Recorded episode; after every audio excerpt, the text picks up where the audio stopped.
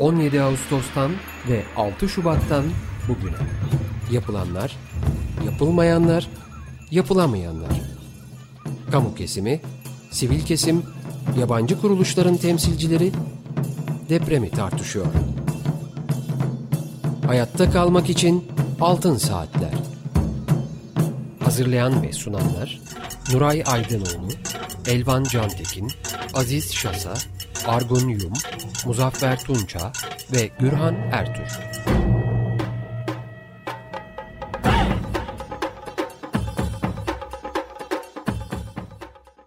...95.0 Açık Radyo'da Altın Saatler programı deprem özel yayınındayız. Yojimbo programının yapımcısı Ahmet Uncu'ya çok teşekkür ediyoruz. Zamanını bize ayırdığı için. Bu programı Mehmet Nuray Aydınoğlu, Argun Yum, Muzaffer Tunca ve ben Gürhan Ertür birlikte sunacağız. Teknik masada ise Andrei Giritsku arkadaşımız sesimizi sizlere ulaştırıyor. Telefon numaramız alan kodu 212 343 40 40. Elektronik posta adresimiz açıkradyo.com.tr Açık Radyo'nun depreme ilişkin yayınlarını ve deşifre edilmiş metinlerine ulaşmak için Açık Radyo'nun internet sitesinde sağ kolonda yer yarıldı içine girdik dosyasına bakabilirsiniz, dinleyebilirsiniz, okuyabilirsiniz. Altın Saatler programının postcat arşivine de Açık Radyo'nun e, yine internet sitesinde e, kayıt arşivinde e, bulabilirsiniz. Evet efendim bugün iki konuğumuz var. Demet Parlar ve Arif Belgin arkadaşlarımız. Hoş geldiniz arkadaşlar merhaba. Merhaba hoş bulduk. Evet e, Demet Parlar İklim Adaleti Ko- Koalisyonu'ndan Arif Belgin ise Valide Bağ Gönüllüleri temsilcisi. Cumhurbaşkanı Erdoğan'ın yayımladığı 126. kararname üzerine e, bu programı yapıyoruz. Çünkü muhalefete çağrıda bulunan 25 ekoloji örgütünün e, örgütü e, bir e, ortak bildiri yayınladılar. Bu bildiriyi konuşacağız ama öncelikle Demet Parlar arkadaşımız Antakyalı ve e, çok önemli kayıpları oldu. E, kısaca ondan e, Antakya'daki e, ailesiyle ilgili durumu e, almak istiyoruz. Demet aynı zamanda doktordur. Evet Demet dinliyoruz seni. Teşekkür ederim Gürhan. Ah, ailemle ilgili bilgi deyince bütün Antakya şu an benim ailem. Evet. Gerçekten çok büyük bir kay- kayıplarımız çok büyük. Hatay benim ailem. 10 il aynı zamanda elbette şu an çünkü çok büyük ortak bir acıyı paylaşıyoruz. Büyük bir yıkım var. Ee, en ağır yıkım da maalesef benim şehrimde oldu Antakya'da.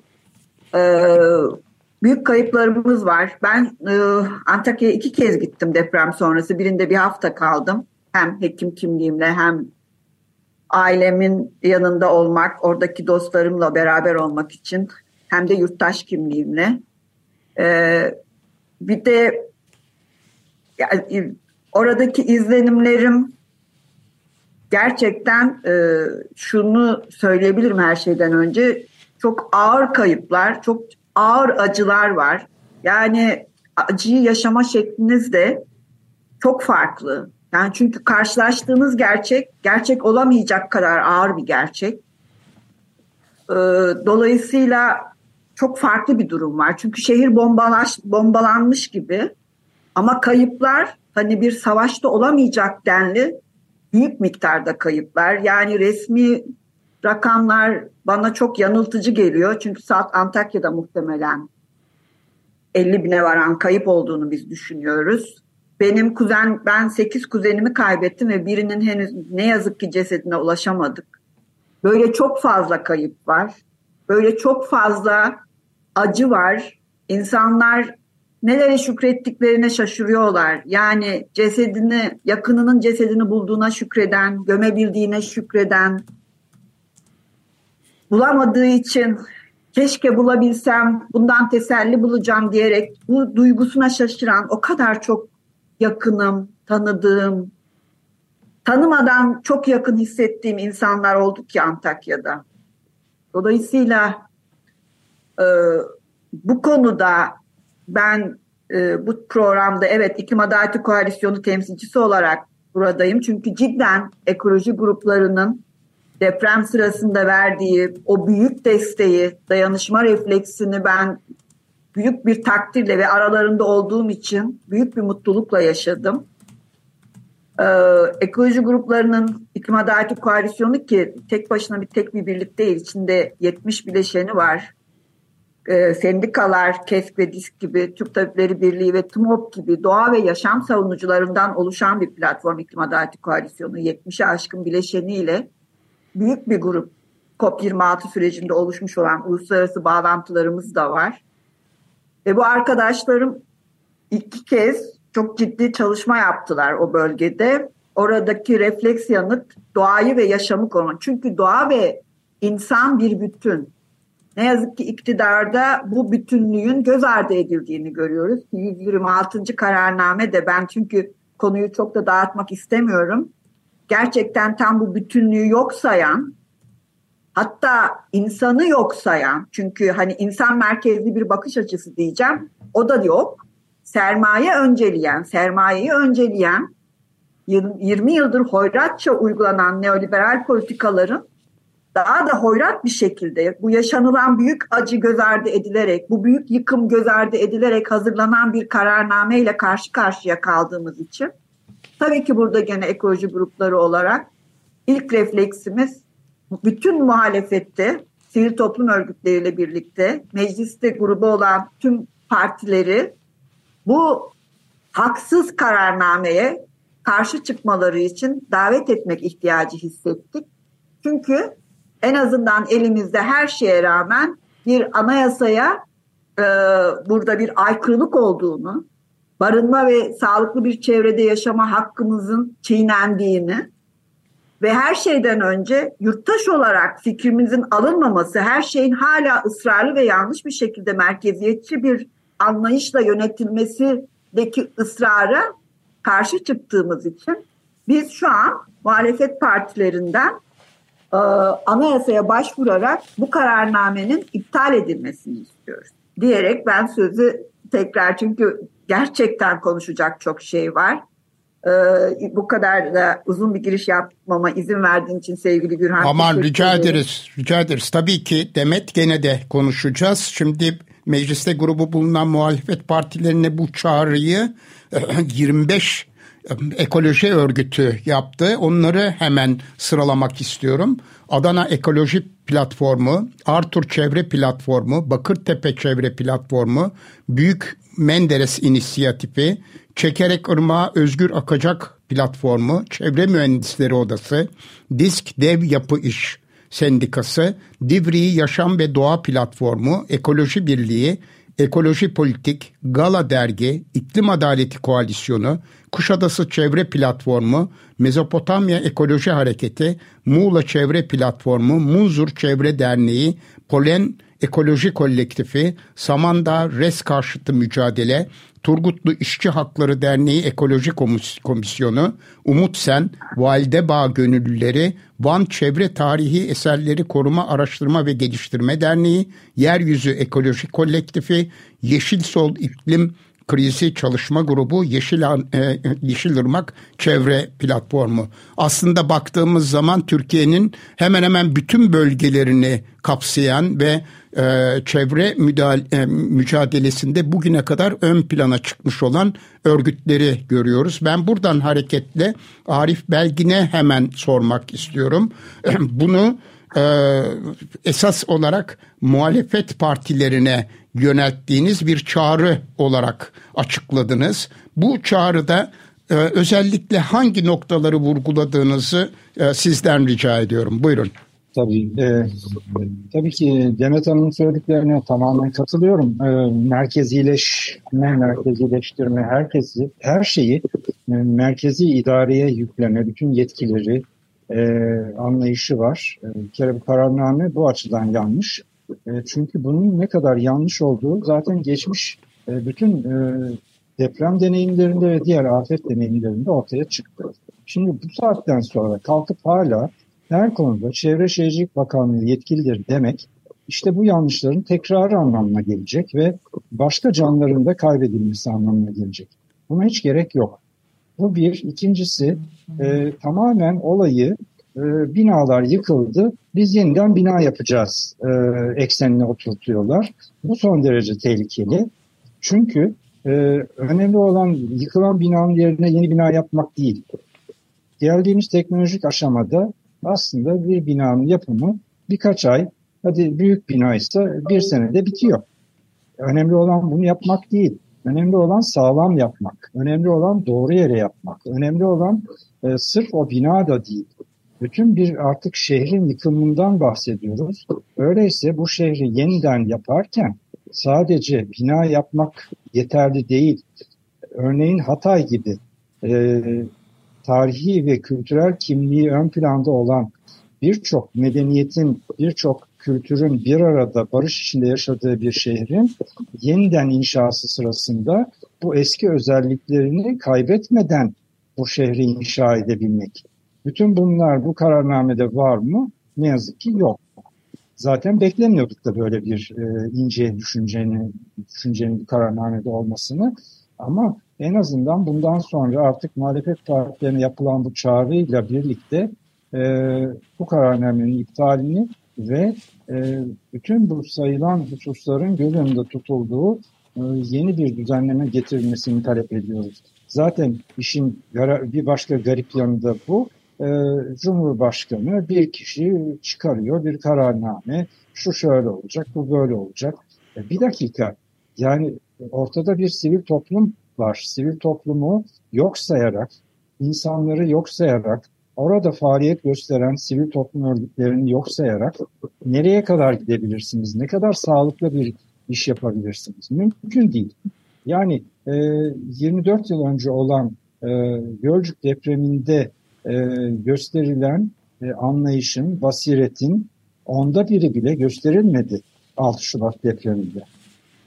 Yani o tarihte de e, devletin eksiklikleri yok muydu? Vardı ama en azından devlet sivil toplumun önünü enge e, kapatmadı, engellemedi.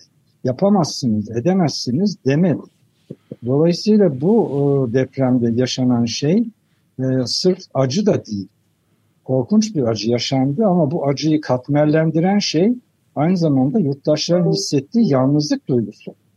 İnsanlar yalnız olduklarını hissettiler. Devlet bizim yanımızda değil. Devlet gelmiyor ve gelecek gibi de görünmüyor.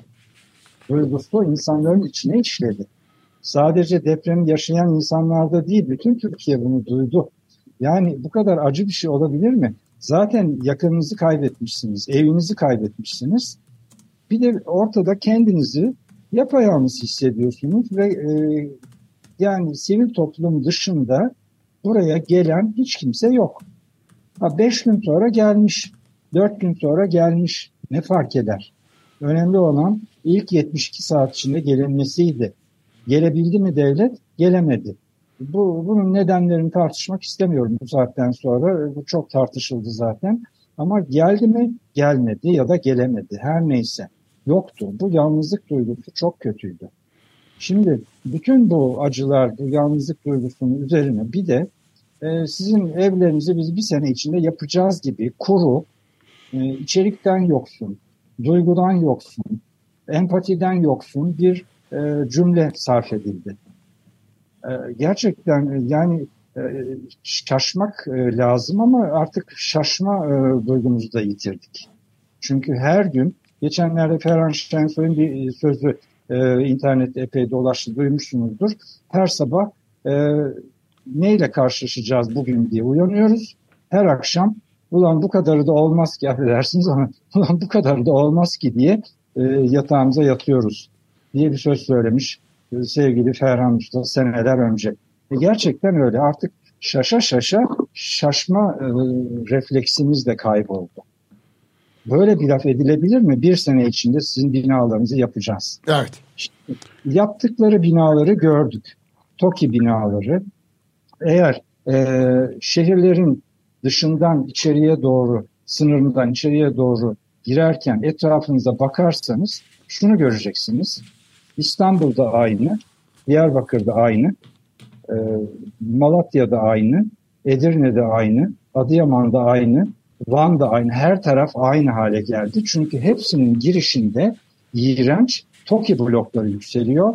Artık bundan sonra bence şehirlerin isimlerini filan hiç e, ezberlemeye, isim koymaya gerek yok şehirlere. TOKİ 1, TOKİ 2, TOKİ 3 şehirleri denebilir. Evet. Bu kadar standart, bu kadar ruhsuz, bu kadar e, tek kalıba indirgenmiş şehirler. İşte e, bu kararname aynı zamanda bunu içeriyor. Yani e, birbirine benzeyen bir sürü şehir daha yapacağız. Ha, bunların ömrü ne kadar olur? Bir sonraki depreme kadar, büyük depreme kadar. E, çünkü geçmişte yaptıklarını gördük. Hala yapılanları da görüyoruz. E, şu yalan da e, çok çabuk ortaya çıktı. Google Earth görüntüleriyle ortaya çıktı. Efendim 1999 depremden önce yapılanlar yıkıldı.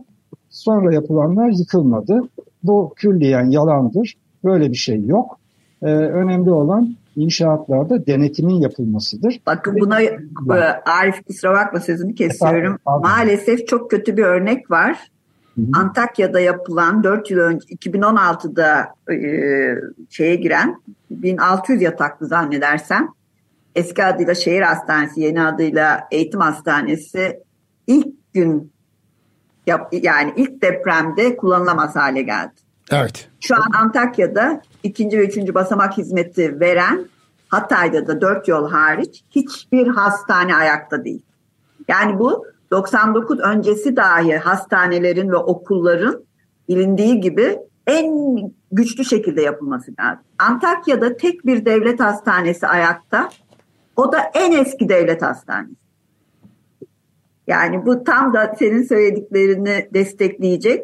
Yani e, belgeleyecek, kanıtlayacak durumlar bunlar. Evet. Yani daha taşınılmamış binalarda dahi ağır hasarlar var. Gidip görüyorsunuz yani. Bir kısmında perde var, bir kısmında henüz insanlar taşınmamış. Yani dolayısıyla maalesef hakikat sonrası dönemde o yanıltma, algı yönetimleri yapılmaya çalışılıyor. Ama öyle bir gerçek var ki bunu kimse yanıltıcı bir şekilde kimseye anlatamaz, aktaramaz. Biz o bu tanıklıklar çok değerli ilk baştan beri. Örneğin devlet yok deniyor ama aslında devlet vardı. Devlet vardı, engelleyici olarak vardı. Kısıtlayıcı olarak vardı. Aynen. Ee, ve e, gerçekten dağıtıcı olarak vardı.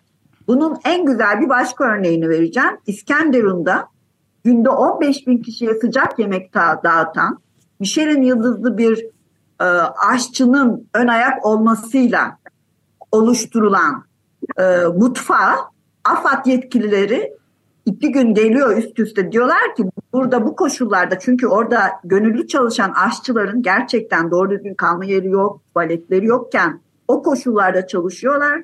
15 bin kişiye yemek veriyorlar. Orada çalışan arkadaşımdan direkt duyduğum şey bu.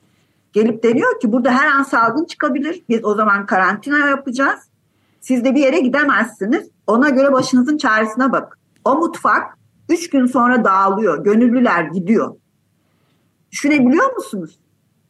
Oradaki gönüllülerin sağlıklı bir ortamda çalışmalarını sağlaması gereken af, afat, hani gerçekten söylenildiği gibi bir afet gibi orada bir felaket tellallığı yaparak gönüllüleri korkutuyor. Bunun o kadar çok örneği var ki.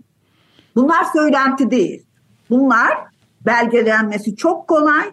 Tanıklıklar üzerinden anlatılan çünkü o, o şey mutfak dağılıyor. Bunun orada olmadığını oradaki İskenderunlular her şeyden önce tanıklık edebilir. Evet. Dolayısıyla devlet vardı maalesef. Evet, engelleyici ve önleyici Olumsuz, olarak vardı. Ve önleyici olarak vardı ve hala aynı aynı tavırı da ne yazık ki sürdürdüğünü görüyoruz. Örneğin biz Türk Tabipleri Birliği Sevgi Parkı'ndaki diğer gönüllü gruplarla birlikte yaptıkları sağlık hizmetini tamamen hani güvenlik falan diyerek boşalttırdılar. Üstelik boşaltılıyor ama akşam saat 9'da burayı boşaltacaksınız diye emir geliyor. Arkadaşlarımız orada o bütün günün yorgunluğuyla bütün o bina çadırları, çadırların içindeki malzemeleri sabahlara kadar taşıyorlar. Ya böyle bir eziyet olabilir mi? Evet. Yani evet güvenlik nedeniyle boşaltılması gerekiyorsa sabaha bekleyin lütfen ya. Bu nasıl bir şey? Şimdi bu bildirinizle siz e, muhalefet partilerine çağrı yaptığınız gibi aynı zamanda aktivistlere, tüm topluma, demokratik kitle örgütlerine ve e, bireylere de bir çağrıda bulunuyorsunuz ve ortak bir mücadelenin büyütülmesi gerektiğinden bahsediyorsunuz. Halkın dahil olup tabandan karar sürecine katılmasının e, son derece önemli olduğunu da vurguluyorsunuz. Neden can alıcı önem taşıdığı konusunda görüşlerinizi alabilir miyim? Ee, Arif istersen Yok, başka ben girebilirim. evet. Şimdi bana göre çünkü çok can yakıcı buluyorum. Bir defa en önemli noktalarından biri bizim çok istediğimiz halkın bu sürece katılım yollarını kapayan bir kararname. Evet. İkincisi kamusal denetimi engelleyerek itiraf haklarımızı yok eden bir kararname. Üçüncüsü ormanları ve meraları e, inşaat faaliyetlerine, buraların e, inşaat olarak e, yapılanmaya açılmasına izin veren bir karar. Üçü de kabul edilebilir değil. Biz bu endişeyle çünkü bu tutum yeni de değil ne yazık ki. Yani COP26'da devlet e, ormanları koruma üzerine in, e, iktidar imza verdi. Bir ay sonra çok değil Orman yasasının 16. maddesini değiştirerek zaten ormanları bir anlamda imara açmış durumdaydı. Biz bütün bu endişeler nedeniyle, bütün bu deneyimlerin verdiği rahatsızlık nedeniyle biz derken benim burada ikinci bir kimliğimle bu bizi kullanıyorum. Antakyalı bir yurttaş olarak, bir hekim olarak Kadim Antakya platformu diye işte tamamen halkın katılımıyla Antakyalıların uzmanların, bilim insanlarının görüşlerinin alınarak yeniden Antakya'nın tarihi ve kültürel değerleriyle yeniden inşasını sağlayacak bir ortak platform oluşturulması için böyle bir platform kurduk. Daha depremin ikinci, üçüncü gününde. E, ve tam da bunu da yok sayan, böyle bir ihtiyacı reddeden bir kararname 126. kararname. Kararnamenin arkasından hemen kanun teklifi geldi biliyorsunuz. Ee, AK Parti milletvekilleri e, Çevre Komisyonu'nun ardından Tarım Komisyonu'na getirdikleri yasa teklifine göre şehir içinde veya kenarında bulunan ve yapılaşmaya izin verilmeyen özel ormanların bölünerek ve parçalanarak imara açılabileceğini ifade eden bir kanun teklifi getirdiler. Dün e, mecliste de e, oldukça büyük kavgalar çıktı bu nedenle. E, şu anda komisyonda tartışılıyor, küfürleşmeler vesaire e, gırla gidiyor. Evet bir de taşlık, kayalık, verimsiz ormanlar gibi biyolojik çeşitlilik için son derece önemli habitatları topyekün yok sayıyor diyorsunuz. Bu ibaredeki kavramların neden hayati olduğunu da biraz açabilir misiniz acaba? Ee, şimdi biliyorsunuz e, gezegenimizdeki e, ısınma, iklim krizi adıyla o küresel ısınma önemli bir eşiğe doğru yaklaştığımız konusunda ölçülebilir bir eşik bu. E, e, iki şu an 1.1 derecelik bir ısınma var. Bu 2 derecenin üstünde 2.5 derecenin üstüne çıktığı zaman e, yaşanılmaz hale geleceği konusunda iklim bilimcilerin ciddi uyarıları var. Aslında gezegen 9 eşiği var gezegenin. Bunlardan biri de biyoçeşitlilik. Biyoçeşitlilikteki azalma ciddi kırılmalara gene gezegenin e, gıda ve su açısından e, yaşanılamaz hale gelip gelmesine yol açabilecek. Çünkü bildiğiniz gibi dünyanın biyosferi, ekosferi birbiriyle çok ilişkili şekilde son derece dengeli bir biçimde süre giden bir takım süreçlerden oluşuyor. Bu biyoçeşitliliğin eşiğini ise henüz bilim insanları bilmiyor. Kırıldığı noktada nasıl bir felaketin bizi karşılayacağını bilemiyoruz. Bu çalılık çırpılık denilen yerde yaşayan börtü böcek, çiçekler, bunların polenleri, kelebekler birçok şey yine bu büyük kocaman harika doğanın süre gitmesinde, bizi beslemesinde, 10 bin yıldır devam eden bu güzel düzenli o dönemin var olmasını sağlayan şey biyoçeşitlilik. Ve bunu yok olma riskini taşıyor bu bölgeler, bu, bu alanlarda yaşayan canlıların yok sayılması, buraların betonlaşması. Dolayısıyla gerçekten en az iklim krizi kadar önemli bir şey. Biyolojik çeşitliliğin azalması ki bu konuda çok ciddi veriler var. Yani bugüne kadar e, e, insan hayvan türlerindeki azalmayla ilgili şu an tam rakamları hatırlamıyorum ama o yüzden ifade etmek istemem. Zaten ciddi kayıplar var. Bir iklim bilimcinin anekdotunu çok kısaca anlatayım. İsveçli bir çok değerli bir iklim bilimci biyoçeşitlilikteki azalmanın ne kadar tehlikeli bir durumda olduğunu kendi ülkesinde yaşadığı bir şeyle anlatıyor. İngiliz bilim insanları İsveç'e e, ana e, kendi ülkelerindeki e, ciddi fonksiyonu olan arıların yok olması nedeniyle İsveç'e gizlice gelip ana kraliçe çalıyorlar. Ve bu Hı. İsveç gazetelerinde haber oluyor. İklim bilinci de o zaman anlıyorken bilim insanları düşünsenize hırsızlık yapıyorlar. Çünkü ciddi bir tehlike o arıların İngiltere'deki yok olmuş olması örneğin. Bunun gibi. Yani e, nasıl bir sonuca yol açar, ne zaman ne yapar bu cidden şu an e, tam olarak bu iklimdeki ısınma gibi bir eşik bir rakam olarak verilemiyor henüz. Ama çok ciddi sonuçları olabileceği biliniyor. Evet, şimdi siz e, tabii esas itibariyle muhalefet partilerine çağrıda bulunuyorsunuz. E, birkaç gün oldu daha bildirinizi yayınlayalı. E, herhangi bir yanıt aldınız mı ve buradan hareketle Altılı Masa'nın en son açıklamış olduğu politikalar belgesinde iklime ilişkinde e, yazılmış olanları da kısaca yorumlamanızı rica edebilir miyim? Evet Arif Bey. Şu ana kadar bir yanıt gelmedi e, muhalefet partilerinden. E, malum ülkemizin siyasi gündeminde de depremler evet, maalesef oldu ve onlarla uğraşırken herhalde böyle çevreymiş, iklimmiş e, yani siyasilerin büyük çoğunluğuna göre lüzumsuz gözüken e, konularla tabii kimse uğraşmıyor. Halbuki bunlar bizim için hayati şeyler. E, buradan yola çıkarak ben e, 25 yıl önce e, Valdeba korusunu korumak için mücadeleye giriştiğimizde şahsen benim bilmediğim e, birçok insanın da bilmediğini düşündüğüm e, bir şey aktarmak istiyorum. Mesela bu işte çöller, e, verimsiz araziler, verimsiz ormanlar filan deniyor. Biraz önce Demet de bahsetti. Yani şimdi bunlar e, verimlilik tam olarak nedir? E, canlılık nedir? E, bunları aslında tartışmak lazım. Bizim örneğin Valdebağ'da e, çok yakından e, yaşadığımız bir tartışmayı e, senelerdir yaşadığımız ve hala bizim açımızdan aslında çok net ama e, konuyu çok bilmeyenler açısından hala tartışılan bir konu vardır. Kurumuş ağaçlar borudan çıkartılmalı mı çıkartılmamalı? Şimdi bazıları için göz zevki nedeniyle kurumuş ağaçlar hemen korudan çıkartılmalı. Biz de diyoruz ki tabii 25 yıl önce biz de böyle demiyorduk. Bakın yani insan, bu bir süreç. İnsanlar öğreniyor. E, kurumuş ağaçlarda e, bir sürü böcek e, çoğalıyor, ürüyor.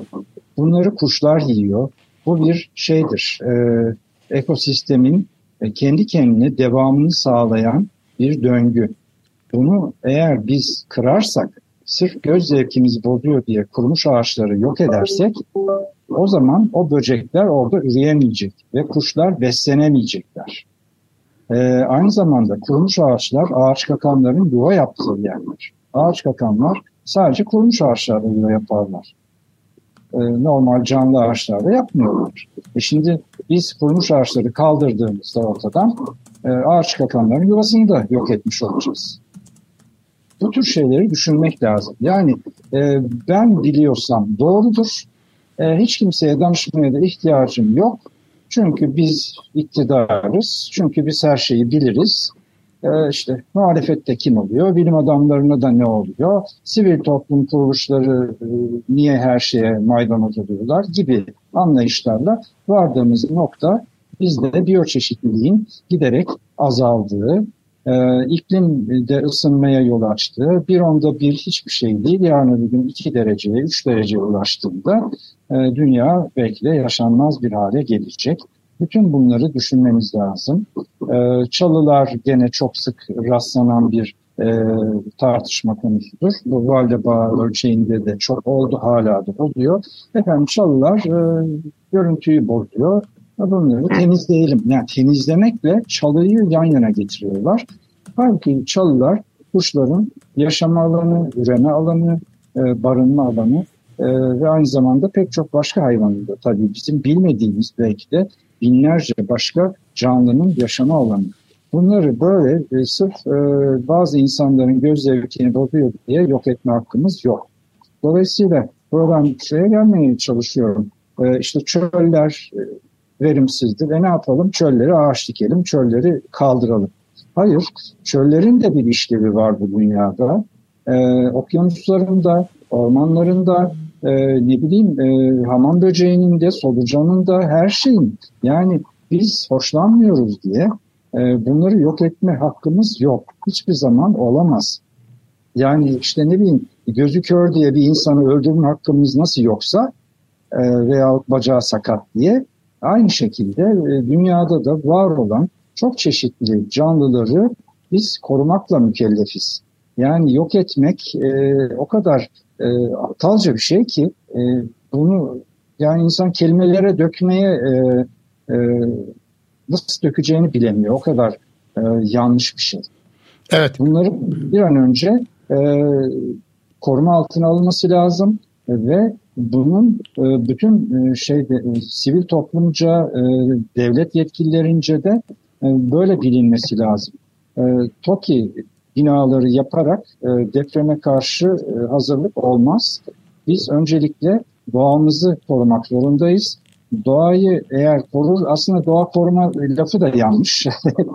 Çok ağzımız alışmış olabiliyoruz ama biz aslında doğayı değil, biz kendi geleceğimizi koruyoruz. Çünkü doğa bir şekilde kendini korur. Doğa her halükarda var olacaktır. Ee, bir film izlemiştim seneler önce. Eminim çoğunuz izlemişsinizdir.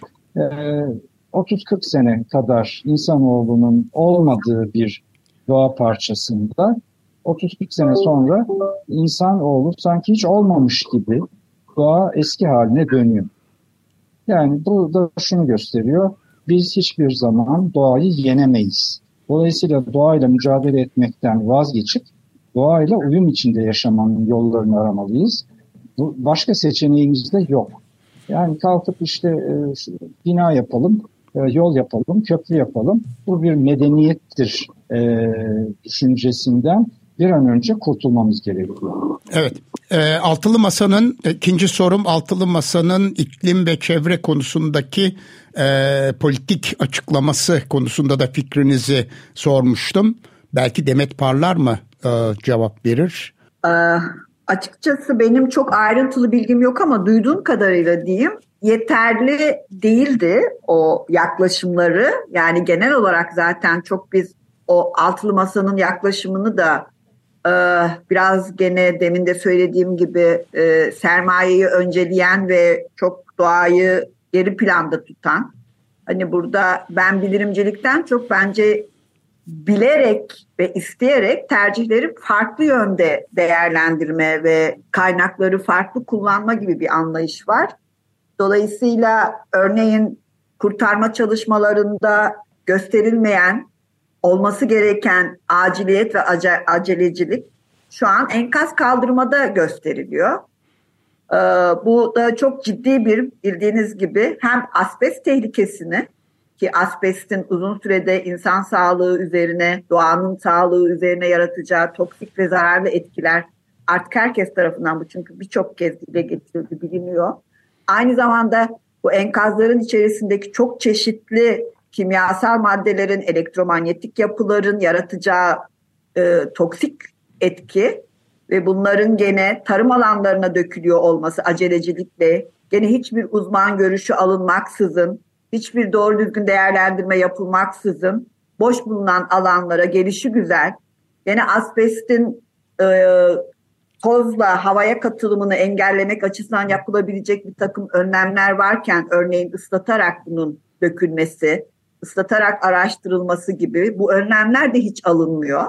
Yani bir an önce gerçekten orada sermayeye alan yaratılıyor ve e, gerçi sorunun bağlamı dışına çıktım ama buradaki tehlikelere dikkat çeken bir yaklaşım olmadığını açıkçası biliyorum. Şeyde e, altılı masalının yaklaşımında da biz dolayısıyla bunların değişmesini de istiyoruz. Bu bağlamda bütün bu yaklaşım doğada dönüşü olmayan bizim ekokurum dediğimiz ciddi e, zararlara yol açabileceği için gene e, doğayı ve insanı yok sayan anlayışa karşı biz yurttaş ekokırım yasasını hazırlıyor diye daha önce İklim Adaleti Koalisyonu Ekolojik Ekokırım Grubu olarak böyle bir çalışma da başlatmıştık. Ee, bizi bu konuda destekleyen halkın vekili olarak gördüğümüz milletvekili arkadaşlarımız da bu konu gündeme gelsin diye Ali Şeker ismini de söyleyeyim. Gerçekten değerli katkılarda bulunan insanların isimlerini de ifade etmek Cumhuriyet lazım. Halk Partisi milletvekili. Evet, Cumhuriyet Halk Partisi milletvekili. O da böyle bir e, yasa tasarısını meclise getirmiş ama onunla konuşuldu ki sağ olsun gene Antakya'daydı. E, dedi ki oraya ona sıra gelmesine daha önünde birçok şey var. Özellikle gündeme gelsin istedim. O yüzden onu getirdim dedi ama maalesef Arif'in de dediği gibi çok farklı siyasi kaygılar, daha böyle gündelik meseleler ön planda tutularak doğaya verilecek zararların uzun, kısa ve uzun vadedeki etkileri hep göz ardı ediliyor.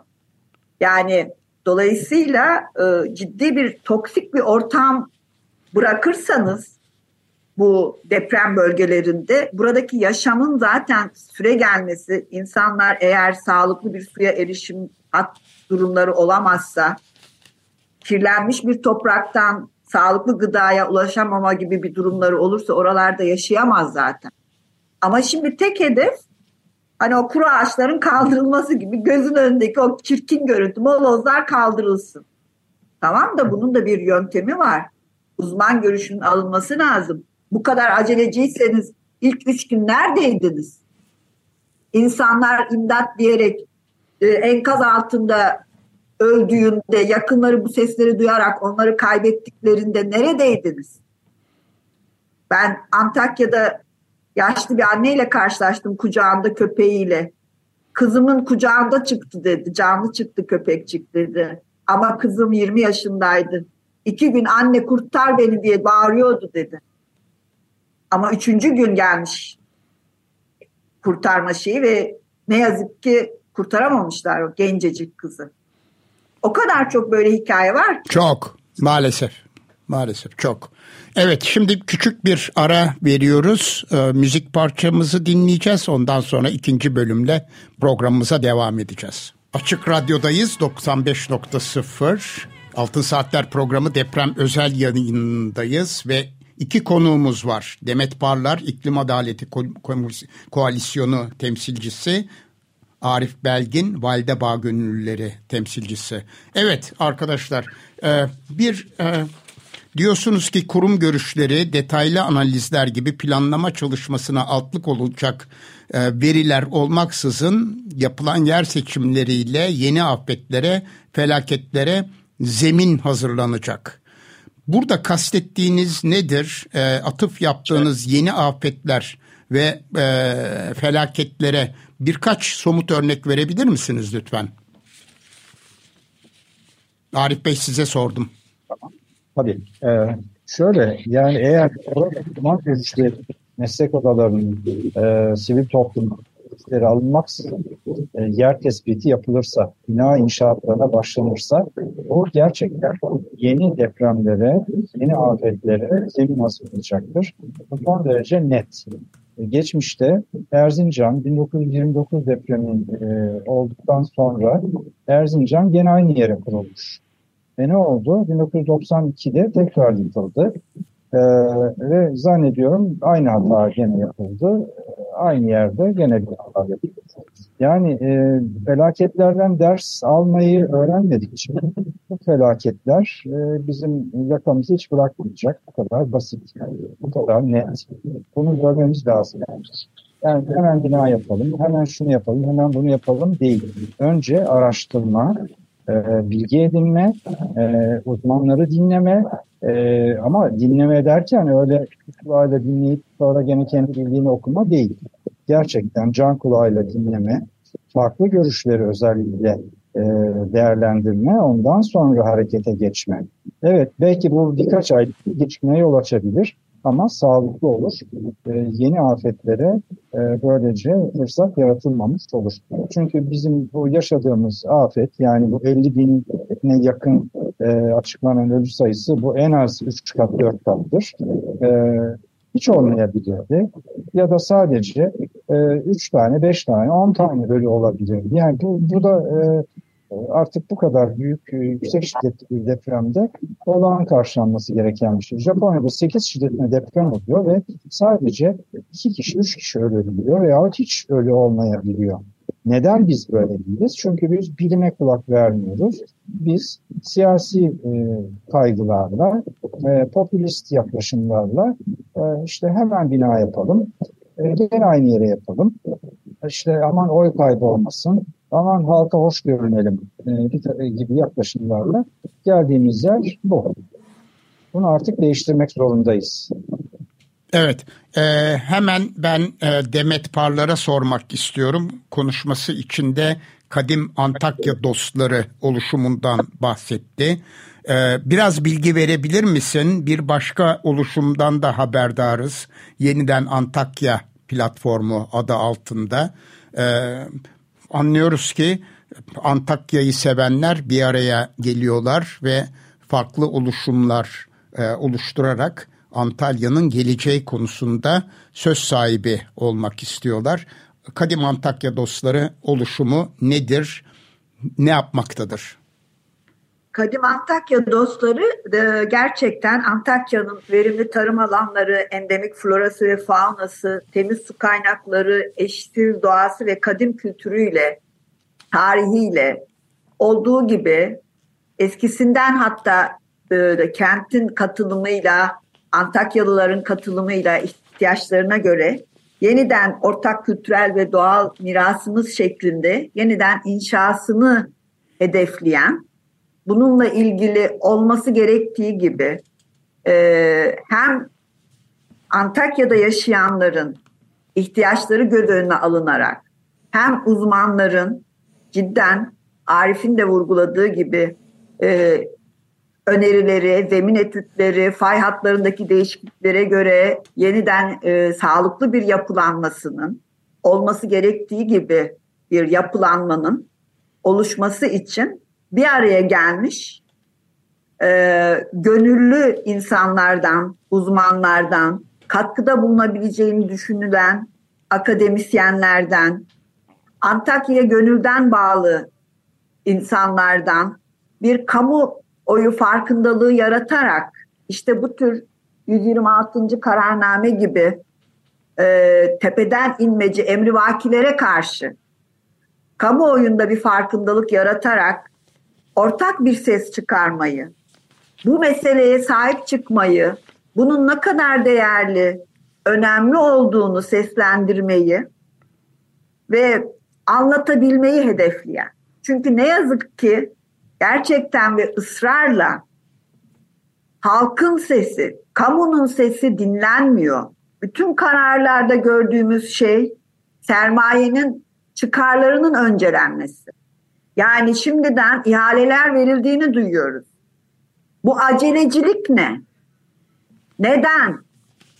Bir Şili örneği var. Yok edilmiş bir şehir tamamen kentin, kentte yaşayanların dikkatleri alınarak kentin ortasına kurulan bir mimari plan proje yapılandırması yapılarak yapılıyor.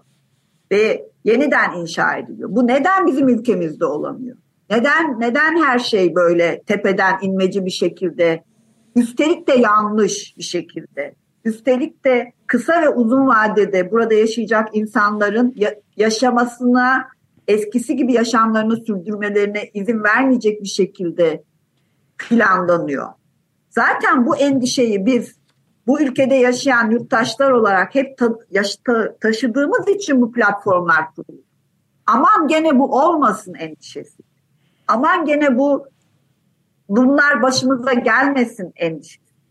İşte ilk belirti 126. kararname. Öncelikle bunun gerçekten anayasadan iptal edilmesi lazım. Yani hem karşımızda o koşulları var, yurttaşlar olarak istediklerimizin duyulmasına belki bir ölçüde engel olacak. Hem de bu şimdi 126. kararname var.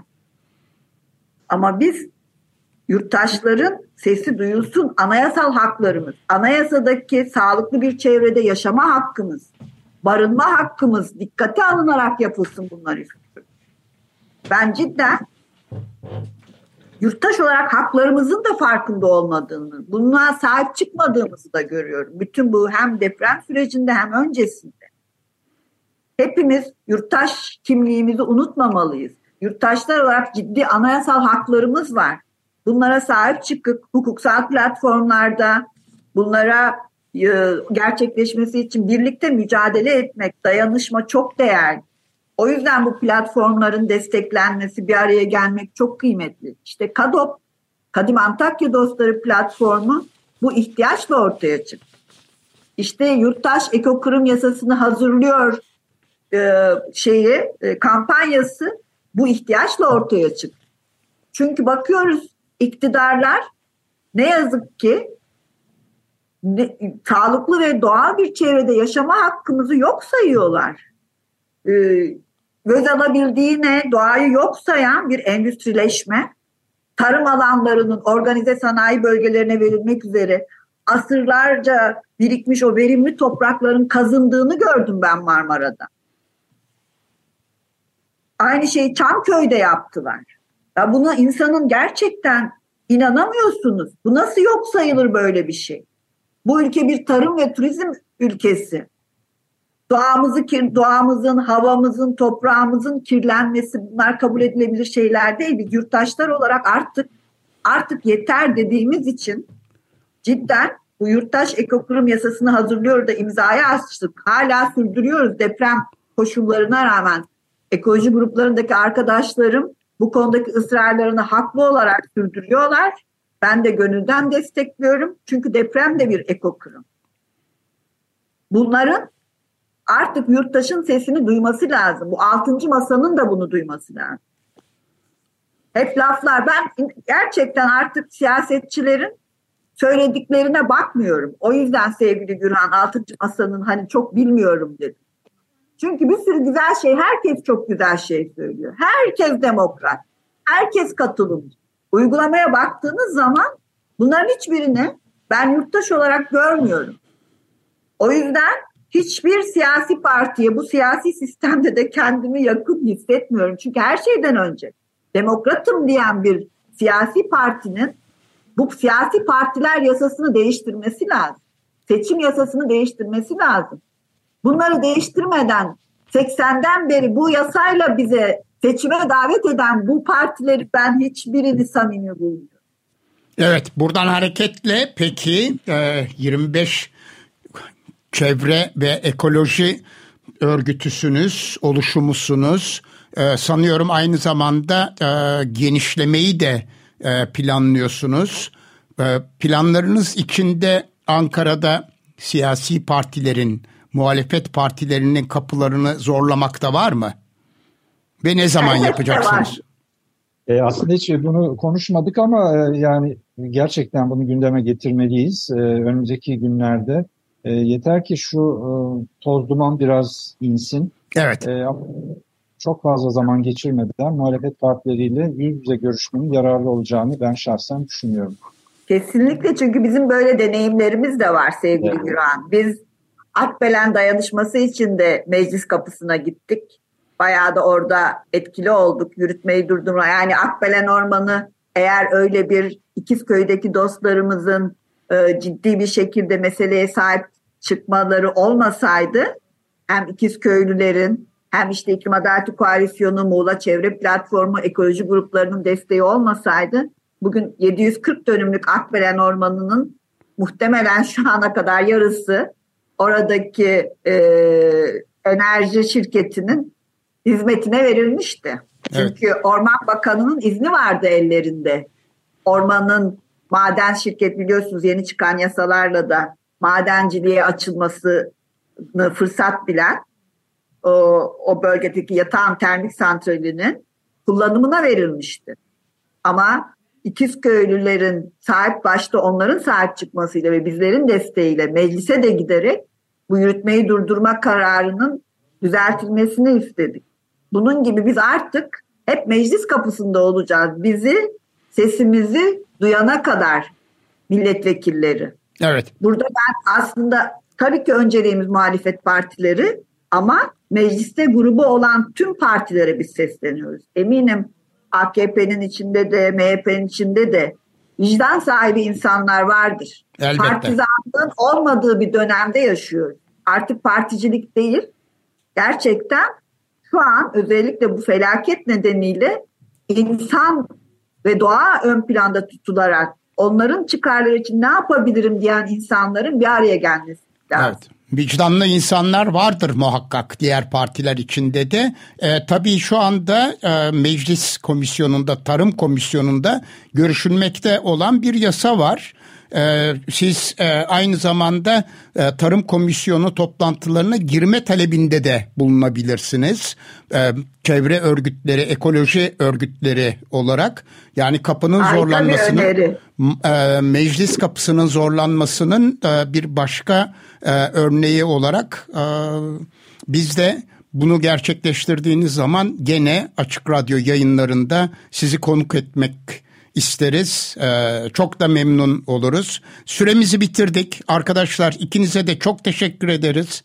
Hepinize çok teşekkür ederiz. Bütün ekoloji çevre örgütlerine, oluşumlarına e, teşekkür ederiz. Sağ olun, var olun ve başarılar diliyoruz size.